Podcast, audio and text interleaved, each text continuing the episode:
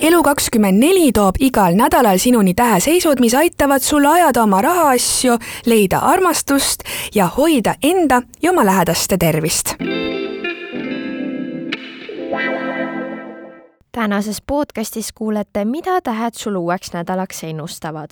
kalad suudavad kõik ära võluda, kuid veevalaja peaks delegeerima oma koormat, aga nüüd kõigest lähemalt. head kuulamist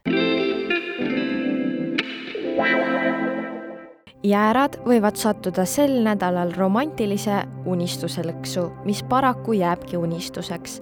mõnel juhul tekib sul salajane afäär, mis pole mõeldud päevavalgust nägema, ent samuti on võimalik, et sa pead tunnistama seoses oma partneriga midagi sellist, mida ta pigem ei sooviks näha. sõnn võib saada sel nädalal ühelt tuttavalt või healt sõbralt erilise tähelepanu. see võib võtta isegi romantilise alatooni ning nii mõnigi sõnn tunneb, et tema unistus on justkui täitumas.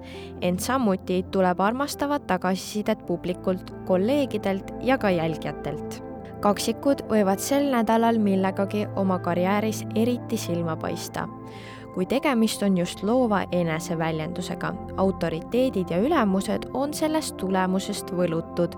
Need, kes pole oma elus oma teed veel leidnud, võivad saada nüüd erilise äratundmise unistuste karjääri kohta.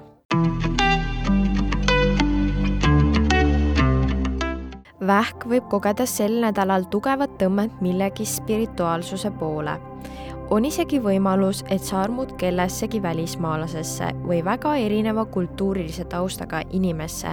samuti võivad sul tekkida romantilised tunded oma õpetajaga lõvil võib olla sel nädalal eriline kogemus, kus ta sulandub sügavalt kellegi teisega ning kompab enneolematut intiimsust. temas tekib valmisolek oma kõige peidetumad ja salajasemad küljed avada. armusuhtele toob see kaasa palju head, aga ka muud suhted omandavad sügavust ja mõistmist Neitsi suhtes on ees väga romantiline ja lausa muinasjutuline nädal. vallalised neitsid võivad kergesti hingesugulase otsa komistada ja ära armuda, ent siin on ka teatav oht, et teele satub hoopis keegi, kes neitsi suurt igatsust romantika järel enda heaks ära kasutab kaaludel on töömotivatsioon sel nädalal väga madal, kuid hästi õnnestuvad sellised tegevused, mis on loomingulised ja vabad. oma keha ja tervise eest hoolitsemine on ka keerulisem ja kaalud võivad kergesti nii-öelda süütute sõltuvuste ohvriks langeda. see-eest hästi mõjuks sulle hoopis spa külastamine ja iluprotseduurid. skorpionid on sel nädalal eriti romantilised ning võivad unistada isegi lapse saamisest või tegemisest vallalised skorpionid võivad väga kergesti armuda ja nad tõmbavad lausa magnetiga vastassoo tähelepanu. samal ajal tunneb skorpion, et tema kodu ja juured on tugevalt paigas ning see annab talle palju jõudu. hambur võib armuda sel nädalal oma kodusse.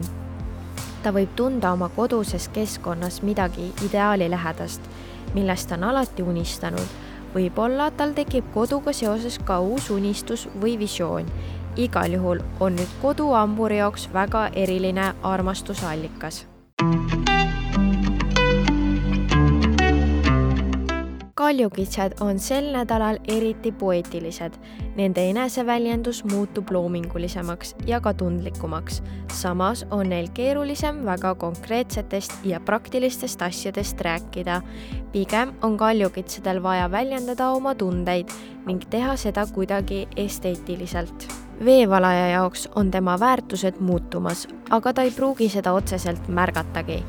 teda tõmbab millegi spirituaalsema ja hingelisema poole, ent kui ta keskendub vaid materiaalsele elule, toob nädal seletamatut kurbust ja pettumuse tunnet. kalad võivad kogeda sel nädalal maagilist ühtekuuluvust kõigega, mis aitab neil ka iseennast rohkem armastada ja aktsepteerida teised märkavad nüüd kalade kaunist, šarmikat ja võluvat olemust ning annavad neile palju positiivset tähelepanu. sel nädalal tõotasid tähed eriti maagilist nädalat kaladele, kuid hamburit võib tabada tõeline armumine.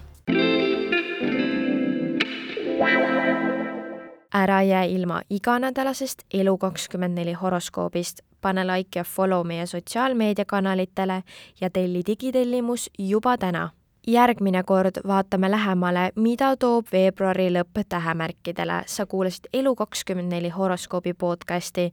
suur aitäh sulle ja kohtumiseni nädala pärast. Wow.